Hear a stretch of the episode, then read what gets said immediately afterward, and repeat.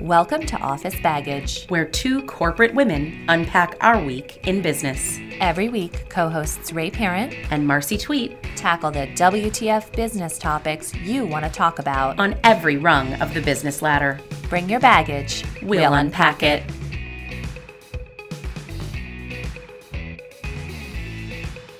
I am here with my dear friend, Kelley. Now, I don't know how to introduce you with your full name or your name. You know that when Charlie and I talk about you, he says Kelley Nyack and I say Kelley Long?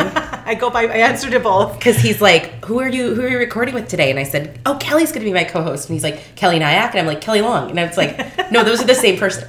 Yeah, I Is it Long Nyack? that's my legal name, um, so I can go by either one according to the TSA, but not according to. Marriott, which is ironic and Isn't that annoying. funny? Yeah. American Airlines will not change my last name from my original married name. Oh.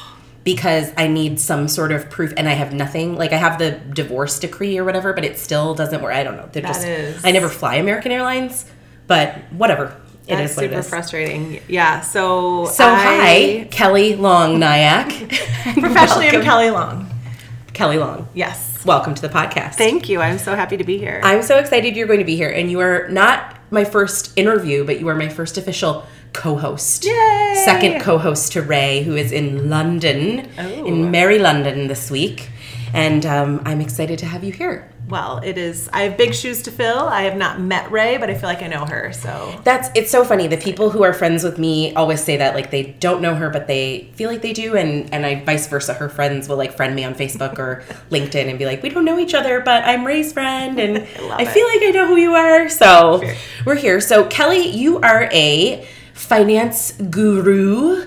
CPA extraordinaire and all things financial wellness for women. And so we are going to talk about finance today, but you're just going to be my guest co host and we're going to enjoy having a nice chat as well. So tell our listeners a little bit about yourself, how you describe yourself rather than having me read your bio. Sure. I actually these days I'm calling myself a financial wellness coach um, because most of the work that I do is coaching in terms of helping people get a, their mindset straight about money. Credential wise, I do have my CPA. I'm also a certified financial planner, but I find that to be intimidating for people who really don't want a full blown financial plan, which is not what I do. And I don't do taxes either. It's that's probably the biggest thing that people. I are- hate that about you because I would love for you to do my taxes. I can barely do my own. um, I did do taxes for a time and I hated it, but um, my passion for helping people figure out money started back in my banking days. I was a trust officer and it was kind of an accidental career. I got laid off from my first job at Deloitte and took the first job I could find in the back office of a bank and found myself being dragged into meetings because I was a female to charm the wife of wealthy men. And one of the frustrations I immediately had, even as a 25 year old, was watching these women, either young women my age or a little older, all the way up to 80 year olds, being shushed. I got this. Uh, you don't have to worry about by their this. husbands. and by my colleagues. Oh. And I found myself like really wanting to circle back, but then even some of these women didn't feel comfortable with that. What was a pivotal moment for me was the day that a woman, uh, two women, sold their business. They were medical billing people. They had like one of the women's husbands hired her to do his billing and they turned it into a business and they sold it for like 2 million bucks. And the other partner friended me as well this was before facebook. She actually friended me in real life and kind of took me under her wing and was just sharing some of her experiences as a she was a divorced single mom um, ended up remarrying later in life and $2 million wasn't enough for her to sail off into the sunset but it did change things for her. And she was very open with me about how she didn't understand how the basics of money worked. And i observed that with everyone when with wealthy people that's not really an issue from a cash flow perspective, but it's still a psychological problem. And that started me on an adventure to figure out how to help everyday people with money that eventually led me to where I am now as a financial wellness coach where I literally just coach people through, you know, let's start with your goals and your issues. Um, let's tackle all the stuff that's in the way in your head and then eventually we'll get to the technical parts. Well, it's so important because I feel like we've all had the experience. I have, I'm sure you have, and a lot of our listeners probably have, of meeting a financial planner mm-hmm. and being sold to. I was that person. right? So you get it. I mean, somebody comes in, you think you're going to have a conversation about finances, and for an hour and a half, you talk about life insurance. Yes. and it's one of those things that's very frustrating, very difficult when, truthfully, what we really want, what a lot of people really want, is just that advice. We want coaching and we want some of that. One of my um, favorite people who I know you love too, Ellen Rogin, Yes. um, who both of us know. Ellen, I had reached out to her a couple of years ago in a very similar context, and I didn't. You and I are really good friends, so I, I didn't reach out to you for financial planning. Um, but I reached out to Ellen and said, you know, I want to do a financial plan, and she, I was so impressed with her because she was honest with me. She said, Marcy, you guys don't need a financial planner. What you need is some advice. Let me charge you hourly. And it was right before it was when Charlie was finishing Notre Dame MBA, and I was going to Kellogg, and we were trying to decide whether or not to finance it or pay it directly, right? Ah. And should we take out student loans or should we like make ourselves broke out of savings for the next couple of years? What mm-hmm. should we do? And she charged us for a couple of hours. We went and sat down with her for a couple of hours, went through everything, and we walked out feeling really good about our decision. It's like I didn't need a financial plan. I didn't need somebody to invest my stocks for me and sell me life insurance. What I needed is some advice, and that's mostly what people need. I've literally lost friends over this stuff on both ends. So, originally, before I really understood how this world worked, I had a friend who was trying to make his way with an insurance company, came to a Christmas party at my house. This was back in the day, my first marriage, and took my ex husband's best friend uh, through a financial plan and basically told them uh, you know all the bad news about their financial habits and got them to buy life insurance and then they were our friends were so pissed that they got sold by this guy that then our like my best friend and my husband's best friend couldn't hang out anymore because th- that was the two parties oh involved Oh my gosh. but then I went to work for a large brokerage firm and thinking that I was going to be helping people with their money. And for three months, I was not allowed to talk to the public and I had to learn how to cold call. Like this was still 2008. Yeah. So, but still, even then, the do not call list was actually still in effect and enforced. Mm-hmm. And I was astounded by that. And then I found myself networking like crazy, which we'll talk about more. But I kept finding people that were like, yeah, I just want somebody to help me figure out my budget and tell me how much I should be saving in re- my retirement account at work. And I'm like, yeah, you need at least $25,000 to open an account with me and then I can help you. Yeah. So finding a way to make money doing that has been a struggle. And I think that's part of the challenge that one of the reasons that I do the work that I do is I want people to understand that it's not just that all financial planners are, you know, product salesmen, but that's how one of the ways that they make money. So the way Ellen's doing it, that's a kind of a growing Yeah. model. Um, it's not super scalable. And she doesn't even do that anymore. she She's now just speaking and, and, and writing and doesn't do It's not scalable. That's the stuff. challenge. Yeah. I work for a financial wellness company, so other companies pay the company I work for for their employees to have financial coaching, Right. and that's that's the model that we found it to be, to be scalable. But then, you know, there's there's downfalls to that for me as well. I don't get to pick who I work with, and Yeah, absolutely. Yeah. No, there's, you know, pros and cons both ways. Mm-hmm. But it does feel like there's this weird world of like either you are with a well wealth manager who Mm-hmm. you need to have a million dollars to talk to Literally. or you're listening to I'll throw him under the bus because I hate the guy Dave Ramsey Mm. telling you that all credit cards are evil and if you don't do a snowball plan you're gonna what like I hate that guy and you know he's all about. Jesus and ridiculous. he is like the patriarchy in flesh. I can't stand Oh, him. that's the best way to describe him. He's the worst. He's so awful. It makes me want to like. It makes my skin crawl. It's so terrible. When I want to get motivated to make the world a better place, I listen to five minutes of his podcast, and I get so pissed. Yeah. that it it renews my. Uh, there is a place for me in this world. It renews my confidence and my motivation because, yeah, he I, he has spread the word that debt is bad, and I I don't disagree with that. Um, the rest of his gospel is a little eh. But the way he shames people and the way he condescends, particularly to women, is just so offensive to me. yeah, it's it's disgusting. so offensive. Ugh. So you've focused a lot of your business on women. Mm-hmm. And has that been I know that's been a conscious choice. It's a stupid question. I'm not gonna ask you if that's been a conscious choice. But how how has that been for you over the course of your career really fulfilling? And and what do you think in this world of like stereotypes where there is this men are good at finance and men are good at math and women aren't and i think we've moved past that in some of our world but i think we haven't. So do you still see a lot of that? And how do you work to overcome it? And why have women been such a This is my like downfall in the podcast that I ask people 500 questions in one question. can Oprah used to do this. Well, no, you could like Oprah used to do this too. People get mad at her and like the comments on YouTube videos are like, ask one question. So I'm doing the same thing. So you know, I just compared myself to Oprah. But um, ha- tell me about the whole women in finance and why that's such a passion for you. Well, a, var- a variety of reasons. The first one being, um, this is one good thing I took away from my training at Morgan Stanley was uh, people want to work with people like them, and so I like working with people like me. And I wasn't perfect about money when I, you know, became an adult. My money history and my money experience was very indicative of the family that I come from. My parents are wonderful, and they're actually pretty good with money based on their situation. Uh, but I didn't know a lot about money because we didn't have a lot of money. And so I was the person that I want to help now. So that's a big part of it. But there's a few things that kind of drive me as well. And one of them is we continue to, in the typical kind of stereotypical American household, divide duties.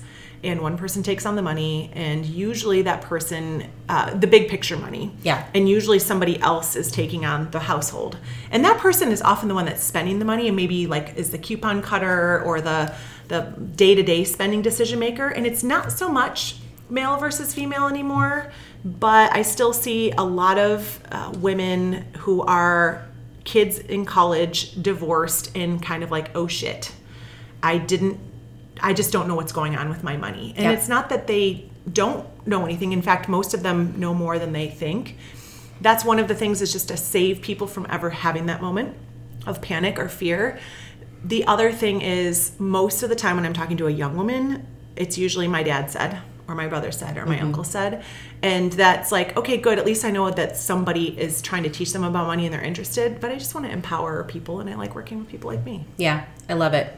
Well, it's still, I mean, I'm, you know, in my mid 30s and I still call my dad on finance calls. You know, I. Charlie and I certainly talk about them together, but I still want to hear what he thinks because that's what's been instilled with me. And, and my parents, I, I grew up in a very similar situation that you did. Not a ton of money, but my parents were very smart with money and uh, have a, you know, are in a great place for their retirement. Yay, mom and dad, because of that. And, you know, it, it's taught me a lot and it really instilled in me. Like, my dad was that dad who, like, when I was 14 said, go get a job and never giving you money again Yes.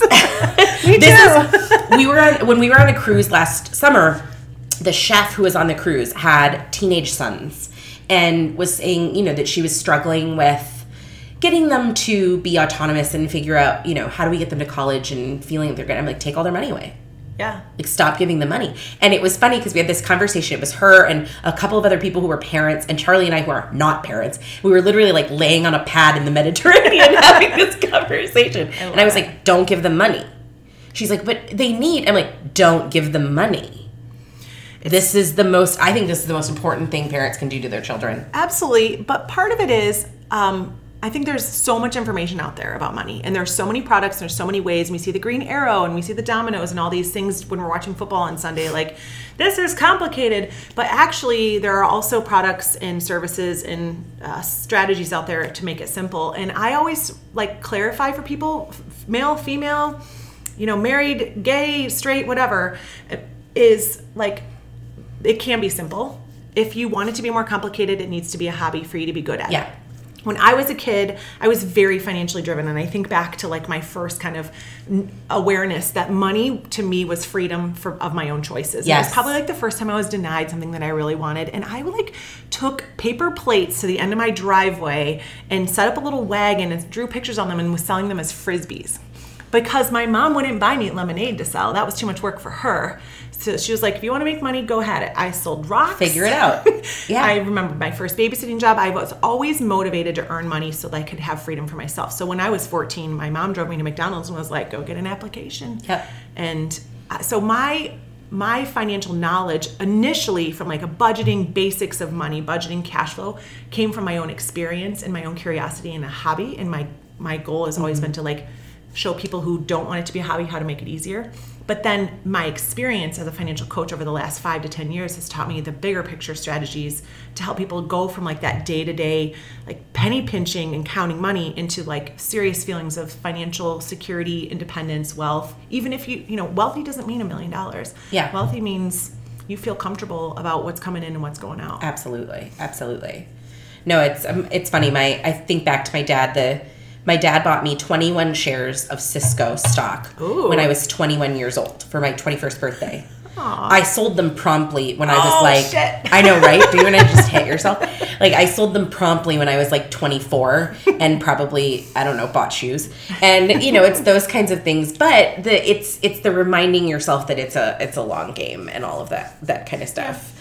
Um, so it's interesting that you talk about spouses and how we manage money because you and I disagree about this. Yeah. Well, not not necessarily that we disagree, but our families manage money very differently Yes. than one another, and I find this very fun. And one of my favorite things to do on the podcast is to have a little debate. So I would I want to talk about this because Charlie and I pool all of our funds, and we do this. We so it's funny. My ex husband and I did not pool any money. We had completely separate accounts. And then Charlie and I pooled our funds when we moved to Chicago because I quit my job to move here. And so we had one income and we mm-hmm. ended up with one bank account and we've done it that way for now 10 years. And I manage all of our money. Okay. Like I always say to people, I've said this on the podcast before if I die, there is a folder on my computer called passwords. Someone please direct Charlie to it. Like it just, the guy will have no idea how to get into anything Uh-huh. or where anything is. But you guys do it very, very differently. You and Chundan keep things separate. We do, um, but that's on me because I grew up in a household where my parents kept money separate. Like to this day, my mom pays for the mortgage and my dad pays for the truck, and my mom pays for my dad pays all the utilities. So I give him money towards the Wi-Fi that I insisted that they install, but not my mom. So interesting. but um, and my parents have never agreed about spending. So they agree on the principles of money. They agree on don't take on new debt without consulting each other first.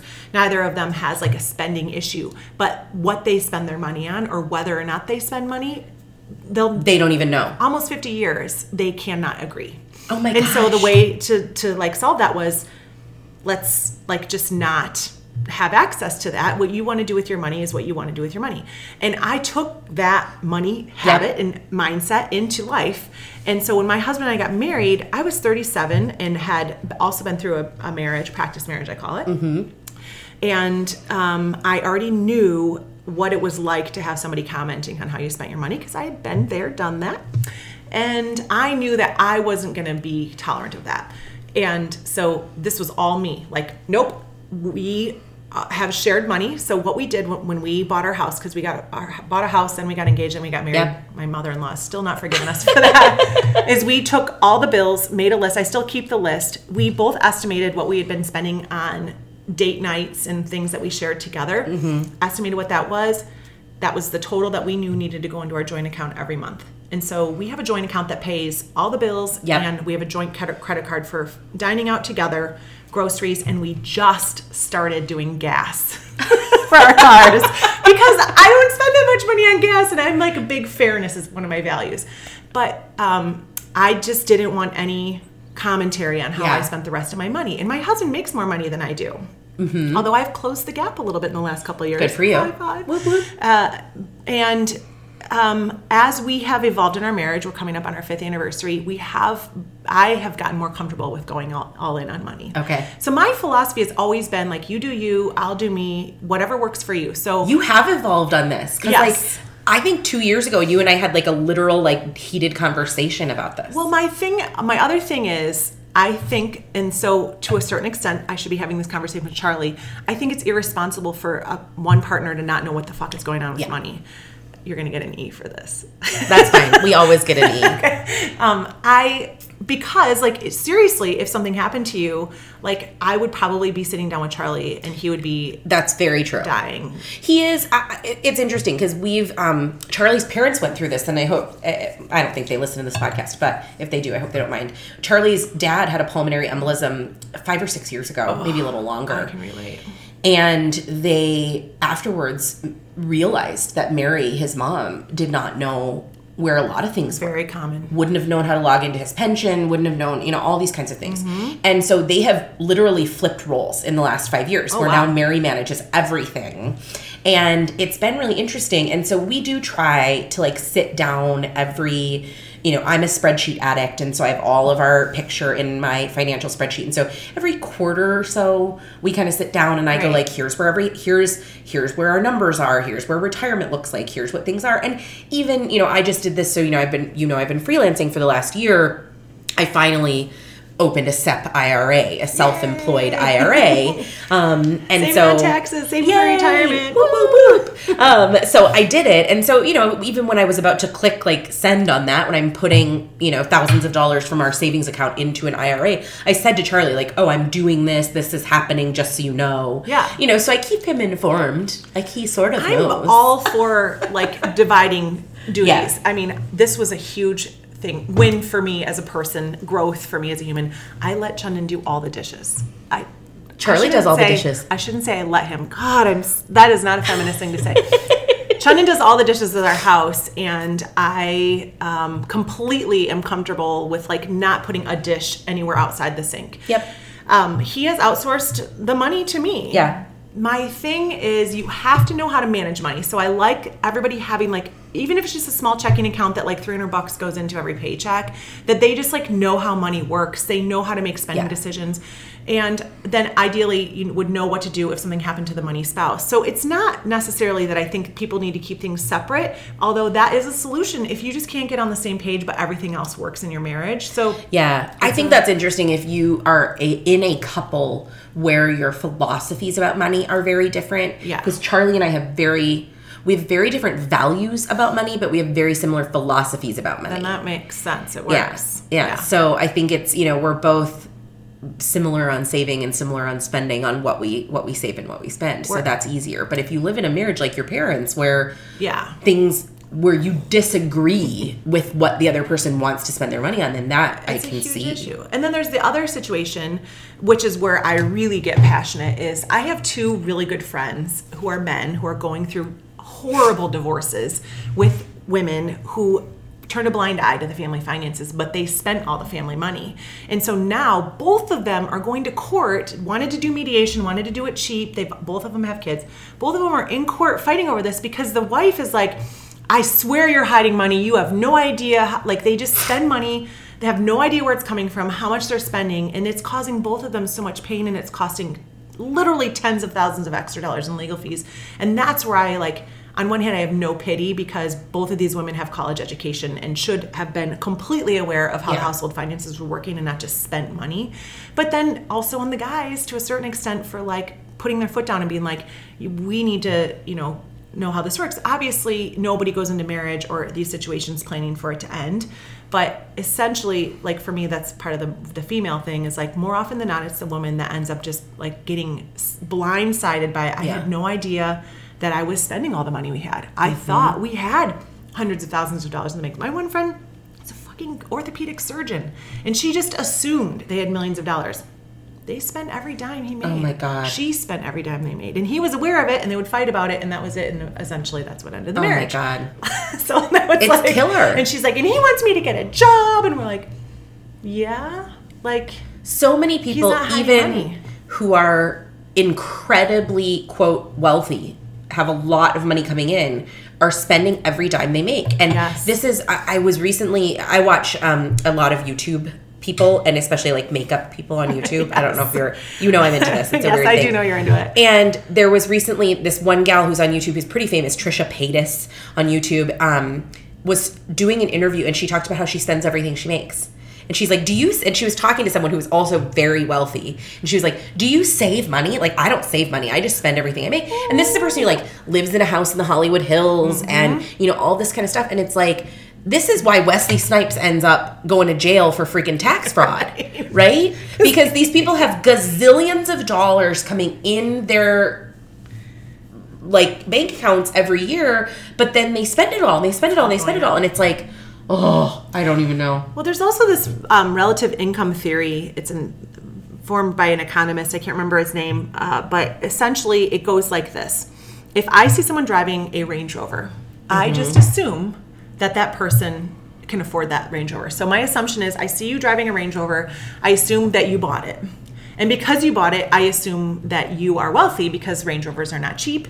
And because you're wealthy, I assume that you're happy. So therefore, in my mm-hmm. mind, the connection goes, a Range Rover is going to make me ha- happy. And then when I say it that way, you're like, yeah, yeah, right. Like we know better, but Yeah. that's that can. What is it? Say it spending. again. Rel- relative income hypothesis. Ooh. Okay, I'm gonna look this up and link it in the show notes because that's fantastic. it literally i learned about it from carl richards who is um, his be- behavior gap on instagram and he's definitely one of my heroes about money mindset who's living like he walks his talk but he uh, i loved the what that way of describing it because that basically the, the hypothesis is we base our spending decisions based on those conclusions and so like we see someone that we think is like us doing thing a thing that we're like well if we're the same then i should be doing this that'd be like me looking at you and being like well we're both like childless dinks Right. i should be driving a beamer right because you drive a beamer I do. I should be driving a Beamer.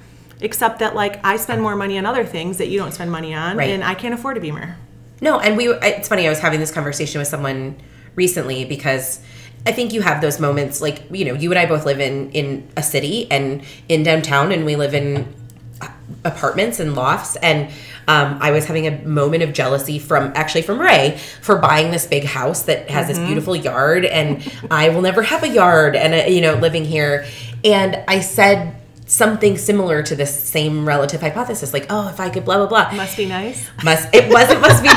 I did not say must be nice. Yeah, it is. Um, Ray would tell you that I make enormous fun of her about her massive home, and the idea of just like cleaning that thing makes me want to die. Oh, yeah. No, um, never. but so I couldn't ever ever live in that. But it, you know all of it, and my husband reminded me how much we pay in like HOA fees. Oh, And he's like, this is something like, and then you watch some of the like HGTV things and they're like, oh, there's a hundred dollar HOA fee. Oh my God, that's ridiculous. And I'm like, oh, hello. Like, I don't even want to tell you what my HOA fee is. But I prioritize living in a city, Yes. so I'm willing to pay that, right? Where Ray prioritizes living in a large house with a big yard and you know buys different things because of it and it's like you just have to you don't know the decisions that people are making I mean, you, you do you, me do Right. me, live and let live. Like, um, but I think we all subconsciously need to be more aware of those kind of assumptions that we're Mm-hmm. making, and that can help.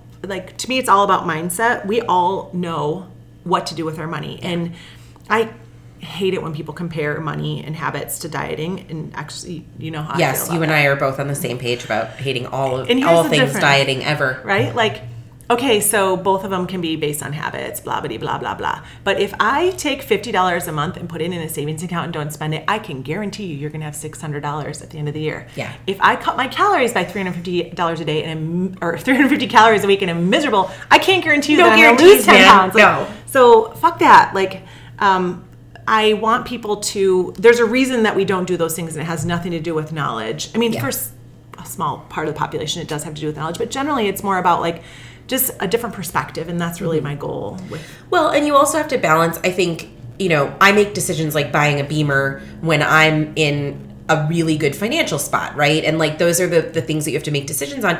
And somebody else might look at my payment on my BMW every month and say that's insane. I can't believe you spend that. And I might look at somebody's grocery bill every month and say that's insane. I can't believe you spend that, right? Yeah.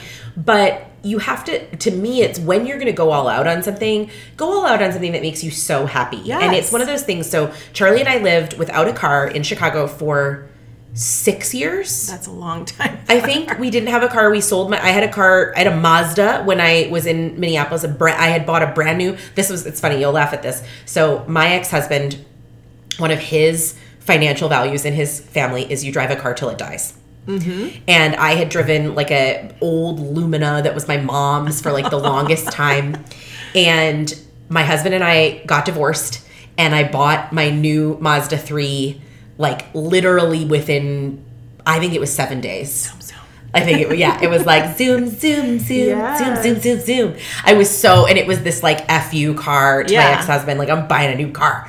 So Charlie and I sold that car when we moved here and we lived without a car for 6 years. And when we got a car, we didn't get the BM Beamer was my like dream car. I always Yeah. wanted one. I bought an Acura, which is in itself is an expensive, you know, luxury car, but I was really concerned because I was like, am I going to hate paying for this? Yeah. And every month I wrote that check and it made me happy. That's like I was.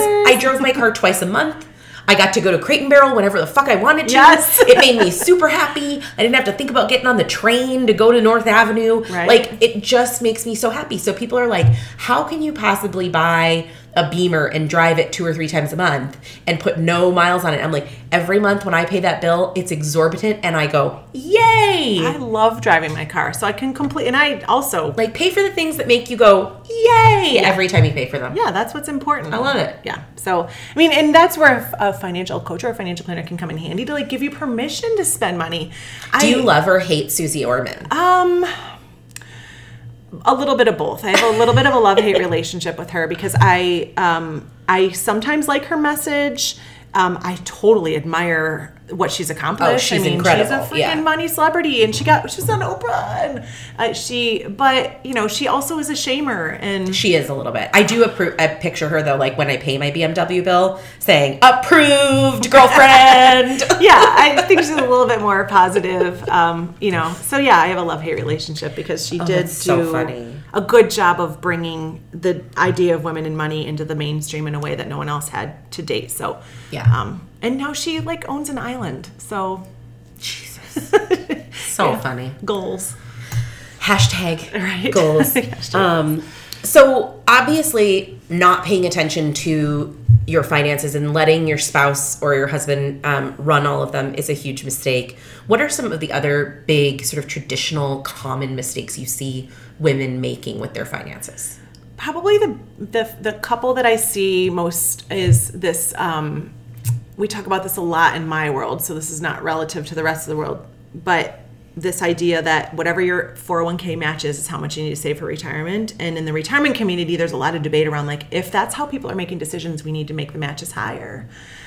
Even if it's you, you have to save 15% to get 3%, and if you save 14%, you to get less, like at least people are people will save to whatever level you tell them is appropriate. So I see people just not questioning that wisdom. Is it enough? And it, it's not unless you are saving 15%. So we're making the assumption that if your company says you have to save six to match six, that six is quote enough. enough. And most people, when I say max out your 401k, they think 6%, not 19,500, Right. which is a big difference for most of us. Huge difference. Huge, like literally tens of thousands of dollars. Um, the other thing is, um, there, I remember when I was a child, this is a money story I tell. My mom said, I just figure I'll probably always have a car payment. And I totally embodied that. And I am glad. Uh, we, they say people come into your lives for a reason, season, or lifetime. There was a reason that one of my boyfriends came into my life, and that was to introduce me to the concept that no, you don't need to have a car payment. But it took me 10 years to really recover from that because I had a lease and then I had to borrow to buy my next car. And then, only then, did I drive that car past the, the loan date pay off and continue to accumulate money to buy my next car because essentially once you know the first time i did that i bought a car my payment was $306.20 and when my pay- car payment ended i moved into an apartment that was $300 more a month Isn't that funny that we Big remember mistake. that? I remember when I bought my Mazda in Minnesota, it was two hundred ninety-seven dollars and eleven cents. yeah my Isn't that funny? payment i remember all of it yeah That's so Yeah. funny. so i've made all the mistakes that i call people out on honestly this is going to sound so nerdy but one of the biggest mistakes i'm seeing these days is people not putting money in their hsa and also you are you have a like you have a like I was we're, we already have the E, so I'm just gonna I was gonna say you have a hard on for HSAs, man. You are like your Instagram is like HSA. I know. Okay, I- explain the HSA thing to our listeners. And in order to get through the HSA conversation, I'm going to pour us more champagne. Good idea. so HSA is a health savings account, and I one of my biggest financial regrets was the first time I had an HSA eligible healthcare plan available to me. I said, "Oh hell no, high deductible." I ran screaming from it and enrolled in the HMO plan, which was I don't know, you know, probably two hundred dollars a paycheck. So I was paying four hundred dollars a month for insurance. And do you think my 26 year old ass ever went to the doctor besides to get my not. annual pap smear to get my birth control? Like hell no. So, big mistake because my employer was willing to put money in my HSA. And so, if I had to go to the doctor for some other reason, my employer would have paid for it because it was in my HSA. Big, big mistake. I wish I could Yeah. go back in time. It took me a long time to grasp this. But now I think the world is starting to catch on. So if you are lucky enough to have a, if you have relatively great health and you have a high deductible or HSA eligible healthcare plan available to you, do it. There's this kind of a no brainer and put as much money in there as you can. Think of it as a retirement account because it reduces your taxes, just like putting it into a, a regular 401k. But there's no taxes on the way coming out either. And here's how I manage my HSA. Okay, wait. So hold on. Let me Yeah. let me dive into this because I want people to get it right. So if you, when you put money in your 401k, so let's say you're maxing out your 401k at nineteen thousand five hundred dollars a year. When you take money out of that account, it is is it taxed?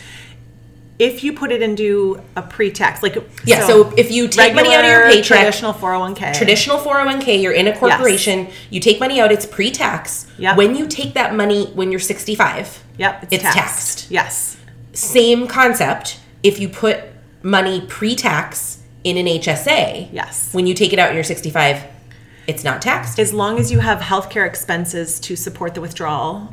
Back, going so you back, still have to way. withdraw as healthcare expenses. Yes, but but let's say I'll use myself as an example. So I um, I have pretty high healthcare expenses because I I do, thank God I've never had a pulmonary embolism, but I have DVTs. So I have to take Xarelto.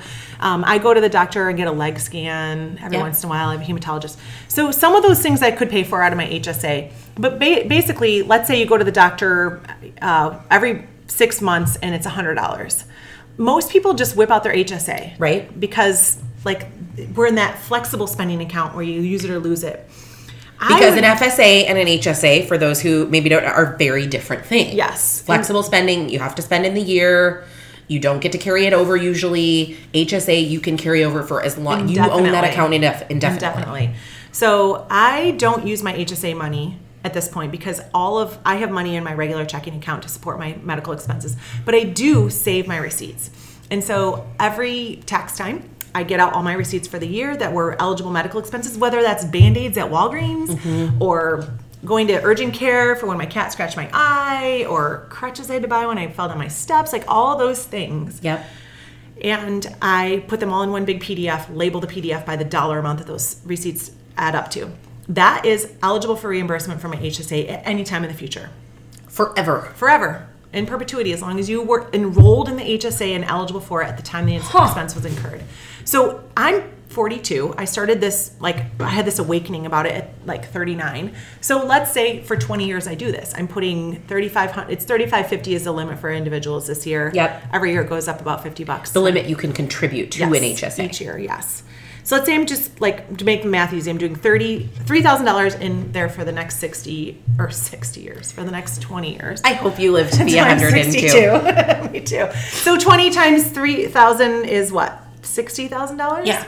So and let's just say that every year I incur three thousand dollars worth of medical expenses or more, which I have. And that's building because it has a similar APR in the way that retirement accounts have, right? In fact, yes, you invest it. So my money, my HSA is with Fidelity, um, and it I don't pay any fees on that account, and I invest in Fidelity funds. So um, it's already like up ten percent, and so I've invested sixty thousand. Let's say it's worth eighty thousand, and I have eighty thousand dollars worth of medical expenses that I've accumulated over those twenty years. I could literally just like wipe that account out in one day and not pay taxes on it, as long as I can show that I had healthcare expenses from the day I started my HSA up until the day I withdraw it.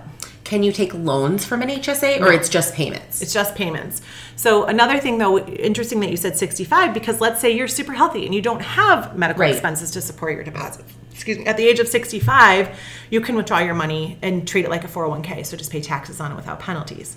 oh. Or you can use it to pay your Medicare premiums, or you can use it to pay for long-term care insurance. So there's lots of ways Interesting. to think of it as the biggest kind of wild card for retirement.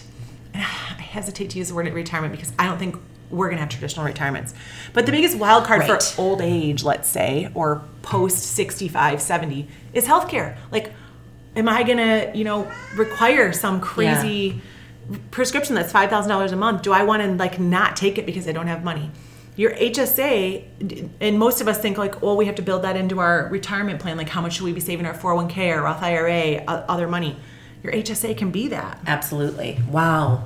So and it's I hesitate to ask you this question because it, it borders on financial advice, which I know, you know, there's the disclaimers of what your advice can or cannot be as a CFP. But if someone had $19,000 a year Mm-hmm. that they could save for retirement, would you advise them to put 16 in 401k and 3 in Absolutely. in HSA? Absolutely. Wow, okay. Yeah. Uh, Fascinating. what, so the number one reason that people call me about um, taking money out of their 401k is Is from healthcare. medical expenses. And so Very they're either true. borrowing and paying it back, so that's a reduction in their paycheck and interest, and of course they're paying it back to themselves, so that's a benefit. Or why not have it in a tax-free account that you can just withdraw it and pay it and not have any stress, no extra payments, no interest, no Yeah. hit to you, your retirement savings. So yes, the uh, the prioritization is save to the match if you're getting a match. Yep. So for me, I have to put five percent of my 401k to get my employer match. Then I put any extra money into my HSA. So I put enough in there to get the maximum in by the end of the year. By the way, if for some reason like you're not saving to the maximum or you're only putting like $30 in a paycheck, you can usually change that through payroll. So it's a mm-hmm. flexible thing throughout the year. Or I didn't get to the maximum for 2019. I monkeyed around with it a little bit. I still have, I'm like $442 shy. I still can put that money in there by the time, by April Until 15th tax day. And call it Because your 401k, you can't. Right. But for HSA, you can do it until April 15th. Yes. And then if you if you were putting the maximum in your HSA and you still have extra money left over, then then there's a little bit more flexibility on what would be the best guidance on what to do with extra dollars. Fascinating. Yeah. Thank you for educating us on the H on the beauty of HSA. Since I brought it up, thanks for Since you asking. brought it up. No, I love it. It's it's really um, I've seen I posting about it and frankly, we have Charlie and I have not used an HSA very much if at all except the like when I was at my old corporation, I think they put a thousand dollars in it at the beginning of Hey, the year for money, you. man. And I used that money, but it didn't occur to me because I think in my own mind I thought we have the money to cover like I'm okay to cover my medical expenses because we don't have that many, Mm-hmm. right? And so that's an interesting thing. I will think about that. I think that within five years, we're going to be hearing about HSAs the same way we're hearing about 401ks now. So, like companies like Fidelity and Vanguard are going to be competing for us to roll over our old HSAs. The balances in HSAs are, are climbing, just like 401ks when they were first invented. Right. Initially, we're wealthy people. As the balances climbed, more you know, us working stiffs kind of got a hold of it, realized we the power of it. I think the HSA is going to catch on a lot quicker, and um, and pretty soon it's going to be something that like we hear a lot about in, in advertising. Right, absolutely. So interesting. Rolling a 401k out of I won't say which one, but out of a one of the big big dogs is not freaking easy. No, no, Because no. they want you they want to keep your money. Yeah, they have entire. My brother works for one of those companies. Oh yeah. That used to be his job. I know. I really think that they actually. So it's funny. The other day, I tried to um, uh, close a bank account with a big bank that I am done with. I have now switched. We are. We're in the. I'm still in process of switching banks. Um, the big bank we were with pissed me off to the point where I am done. And um, I did my research on where I wanted, and I actually. It, this is not sponsored. Um, although I should call them and have them sponsor the podcast. Um, Ally is. I, I switched everything. I recommend Ally all the time. I switched everything to Ally um, because I did my research, and you know, I I am a corporate responsibility and sustainability consultant, so I did my I know my research on who the best sort of players in the corporate sphere are related to responsibility and sustainability. I think Ally is doing a fantastic job, um, and I'm really excited to move my stuff there. But it's interesting when I called said big big bank. So I have currently I closed a savings account with them. I still have a checking, and I'm waiting for a few things, you know, go through, and then I'm going to close that. They hung up on me three times. Oh my goodness. And it was very clear it was intentional. Like it was very clear that's part of their process. Twitter was let me man." switch you to a blah blah blah. Oh bye because they think you'll give up and they think Mm-hmm. and it was funny so they told me to transfer the money out of my savings account. I did that. It happened to be the sixth transfer out of my savings account that I had made that month. Oh, yeah. So they charged me 20 cents for it or whatever it was. so then I had a negative balance of 20 cents. So they couldn't close the account because I had a negative balance of 20 cents. I was like, I'm going to kill you people. So I'm very glad I'm leaving them. I won't say which big bank it was, but bye bye, big bank. Ally used to be GMAC. Yeah, yeah, yeah. And I remember when they first came back on the scene as Ally, and they were this new player, and they had a big old ad in Wall Street Journal, and they were paying, you know, 1%. And I remember putting something on Facebook back in the day, like, this is the best banking thing ever. And somebody criticizing me and shaming me, like, that's GMAC, they're not healthy, they took bailout money, blah, blah, blah, blah, blah. Uh, so that they were wrong. And, but as a result, for the last 10 plus years, I have been keeping my eye on Ally. So I can Yeah. tell you that they don't, it's not a teaser rate. And I also can tell you, based on my actual job, that they take very good care of their employees. Yeah. So, Yeah, um, I've heard that through a lot of channels in the sort of CSR world, and I'm I'm really excited to have my and I don't have an account with them, yet. yes, yes. It was it was very tossed up between them and Capital One because Capital One also Yeah, but Capital strong One in keeps a lot of dropping ways. their rate. I know, I know. So I that was that was part of the week. reason we we That's where it stuck with them. yeah. So that's great. Um, so let's switch gears a little bit on on sort of finance stuff and talk about goal setting because I know this is something you're also really passionate about and work with your clients on. Of how do you think about short and long term goals? So you know, I'll give you an example for myself. So my financial planner, when I went into this um, freelance world and consulting, you and I talked about this, gave me great advice, which was part of my concern becoming a consultant was not having a regular paycheck. Yeah. So I get paid in in ebbs and flows, right? Mm-hmm. And her advice to me was to create a buffer account that becomes my paycheck account. Mm-hmm. And so for the last, you know, 3 or 4 months, really I guess now longer than that because I, I funded this from like last sort of June through November, I really focused hard on saving so that I could build up that buffer account. I already had my savings and I didn't want to dip into my savings. And that worked really well for me. And now I feel fantastic about where we are. Everything's great, right?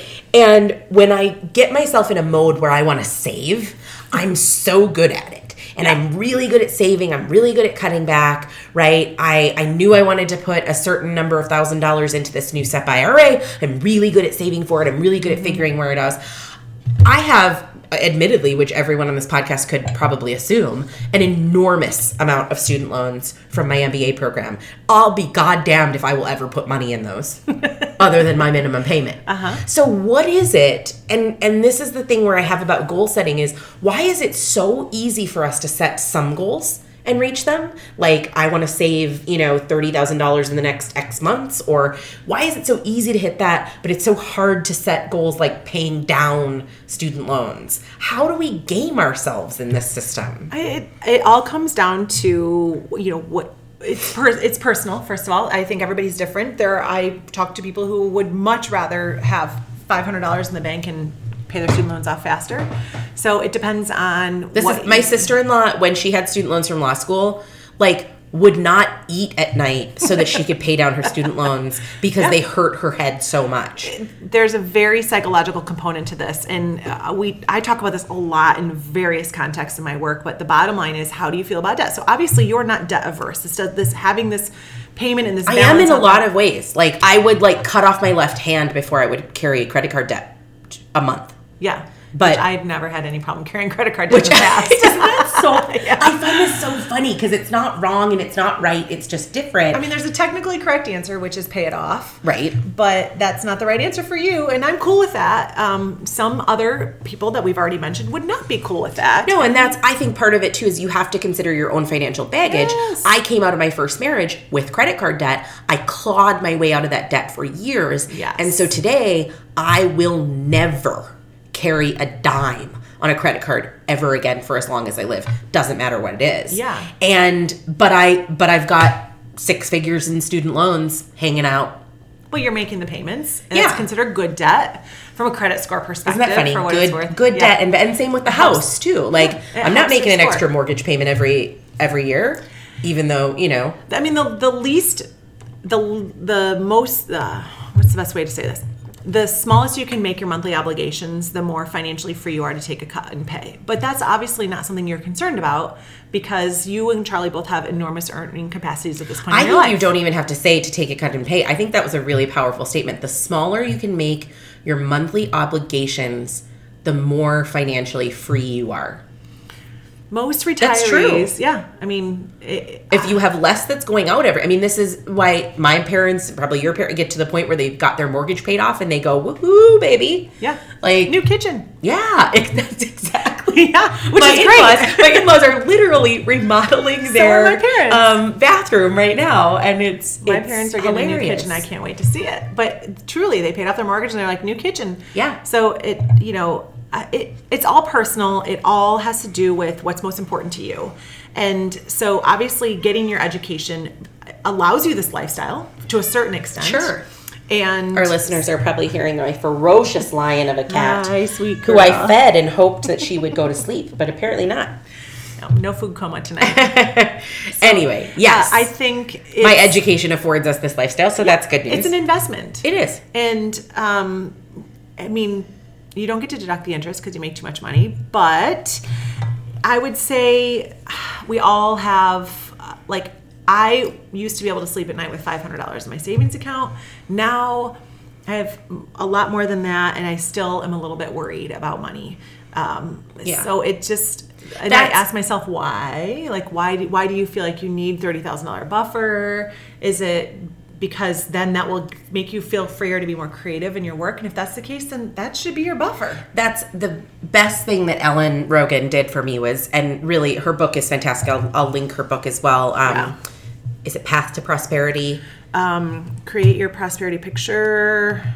Picture your prosperity. Picture Your Prosperity. Yes. Um, I'll link her book in the show notes because it's really um, New York Times bestseller. yes, it's really worth a worth a read um, as well.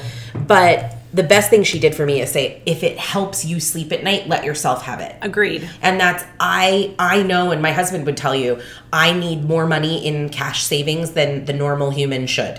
And my husband would take 80% of what I keep in cash savings and put in the market. And I can't do it. I can't do it.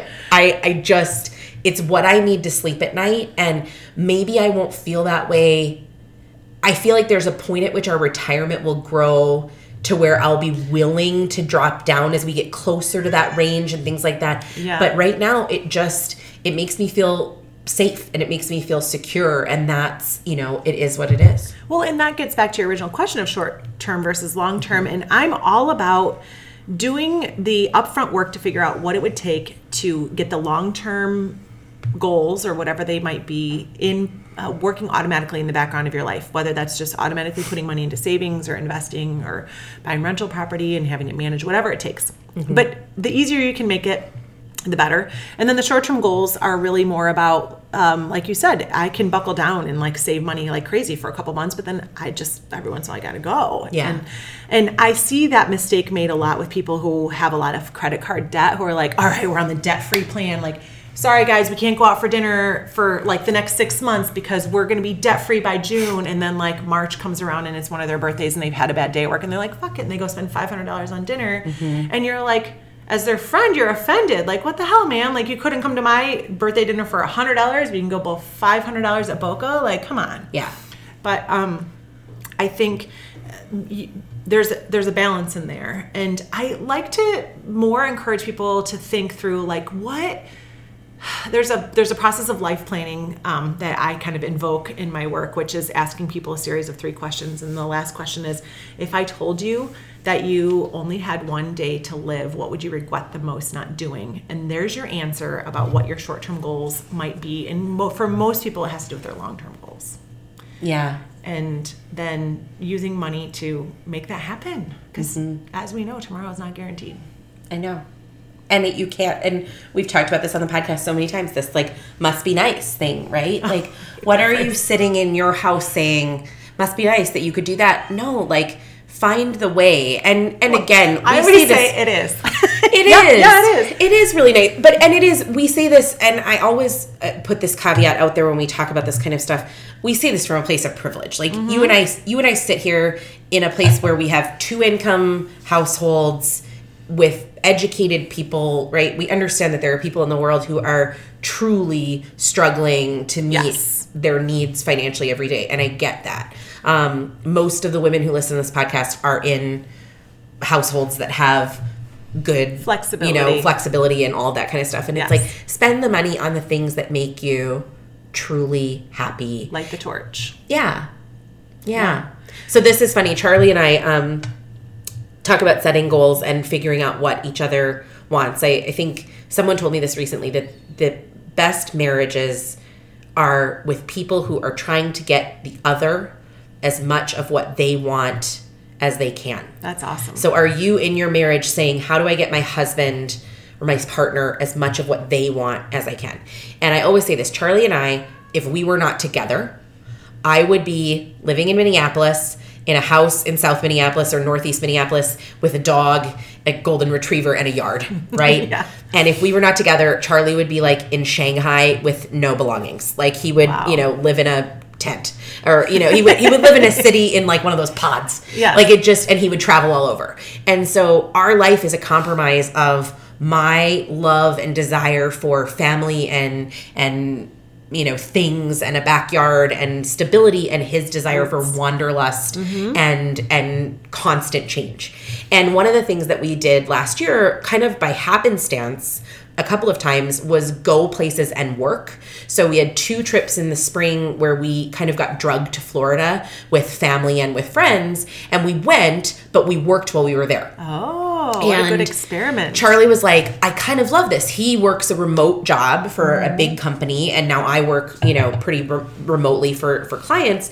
And one of the things we said coming into this year is like, this is something we really want to do. Is these what we're calling? It's not my word. It's um, there's this great couple that does this travel blog on YouTube called Kate and Nara, or Kate and Nara. Nate and Kara. Nate and Kara, they travel to 100 countries over four years. It's really, they're incredible. And they talk about workations. Uh-huh. So they'll go, when they're doing all of their work traveling all over the world and cutting YouTube videos, every couple of months they'll go do like two weeks in a place where they catch up on all their stuff, they catch up on all their work, they do workations. That's so Charlie and I were like, we want to do this. And it's funny because we then started talking about, okay, where's our first workation going to be this year? And we had centered on Nashville and we're like, okay, we're gonna go to Nashville. And I got to the point, it was so expensive. I'm looking at Airbnbs in Nashville and I'm like, fuck, God, I thought about doing dang it, this is expensive. Yeah. And we did it in November. We went to Savannah and we had Uh-huh. an incredible time. Yeah. Um, it cost us an enormous amount of money because we had that horrible boat accident. That's but you know, whatever, whatever. It is what it is. Not horrible. We were fine. Um, but Horribly expensive. horribly expensive boat accident. Um, but anyway, I'm looking at all this stuff, and what I had this conversation with Charlie, and this is where we get back to financial values of like, what's important to you about this? Is it important to you where we go? And he's like, no. Huh. He goes, it's not important to me at all where we go. Like you're the one who wants to go to Nashville because you want to go to Nashville. He's like, I don't care where we go. I just want to like get out of Chicago, maybe somewhere a little warmer, Okay. in a place we can explore. And we had it was funny because we were going to go to Nashville, and on the way we were going to stop at a client of mine in Indianapolis. He's like, why don't we just go to Indianapolis? And no offense to anyone who lives in Indianapolis, but I'm like, I am not going to Indianapolis for Might as well go to Milwaukee. like whatever i'm like we're not doing it Yeah. so i had this Too close. epiphany after i'm looking at spending three four thousand dollars on nashville and i'm like oh my god like i can't do this guess where we're going Cancun. no you're gonna die Where? people are gonna be like why we are going for a week in march first week of march to little rock arkansas Oh. because okay. Charlie legitimately does not give a shit where we go. Like Charlie's Yeah. like, I don't care where we go. I, as you know, honor the Clintons like they are my parents. Oh yeah. and I've never been to the Clinton Museum. Huh. And I love Southern food. and I love, and I'm like, you know what? Of course, I think about I'm a little past Little Rock, yes. a long way. No, so I'm like, we're gonna, so we're going for a week. But this, these are the things where it's like, talk about your values with your partner, and talk about what's important to you. And for Charlie, like going somewhere new doesn't matter where it is was important to him. Huh. And for me, staying in a nice place That's is important. important to me. Yes. So I'm able to spend, like, I spent literally 800 bucks on the nicest Airbnb ever in Little Rock, and you know, I That's paid so for our flights and points. You could drive You're to like- the Ozarks. I know. I'm like, it's gonna be fun. We're going to Little Rock for a week. Charlie's like, That's so okay, fun. girl, whatever, you, wherever you want to go. I have a friend, this is totally random, but I have a friend who did a thing called Remote Year where she and a group of I have heard about this. And I followed her journey and now she's she's a realtor, but she owns a com- real estate company. She's been man, this girl's a hustler. I, so so much respect for her. But now she's like created this whole thing about being a remote realtor, and she's Yeah. in South Africa now for like a couple weeks. I think I to know her. show. Jennifer Mertland. Yeah, yeah, yeah. She's one of my like I've old seen- friends. That's I was so at her funny. wedding when she was married. That is so funny. I think I've seen her stuff online. Yeah, probably because like we're Yeah. you know two, We're two connected. Yeah, two degrees of But yeah, separation, like, it, it's there's I think that's the thing, and I mentioned retirement. And I want to like kind of just share this little philosophy real quick because I I believe in the I embrace the idea that retirement is not for us. I'm a little older than you, but our for Yeah. our generation ish. Um, different than our parents and our grandparents. Which, Very. And I think I love this idea of taking like mini retirements throughout your working years. And most of us can't really, most people don't really embrace the idea until maybe they're in their early 30s. I feel like they're, they're, the Saturn return, like after once you turn 29, most people have like an awakening at 29, assuming you've learned the lessons you're supposed to learn from astrology. so somewhere around there, people kind of take their first go at it, and that's about when I like left the rat race for the first time, very cavalierly, and I racked up 12 That was me too. desk, Career girl, and yeah. yeah, yeah, same thing. yeah Moved here, broke, dug, dug out. Now I kind of settled into kind of a kind of low key lifestyle, and now we're starting to talk again about like shaking things up in our life uh, Mm-hmm. at my house and my with my husband and I. Not him so much, but like we could work from. I could work from anywhere. I'm encouraging him to explore working from anywhere because his profession would allow it if he would be a little Mm-hmm. bit more creative and. So I think um, I'd rather us take like two years off now when I know I'm as healthy as I'm probably ever going to be Yeah. for the rest of my life, and instead of like waiting till we're 62. Yeah. It's finding those things that I think that's if you do it right, investing in finance and financial wellness in your life makes it so that you can create the life that you want. Right. And that's the thing. Charlie would love to take years off and travel. Right. We watch um, Kara and Nate, and he's like, You shouldn't let me watch this stuff because I want to take five years off and travel to 100 countries.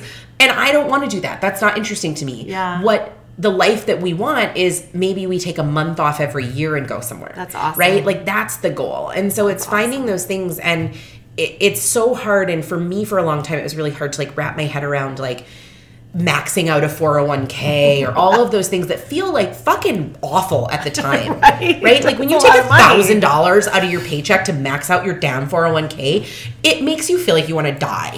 Right? Yeah. Like the first few months, it's like, oh, that's awful. But when you're adjusting your lifestyle so that you can live the life you want and that you can have the security to live the life you want, it makes a huge difference. Totally, totally. Well, this has been so fun. You've been a fantastic co host.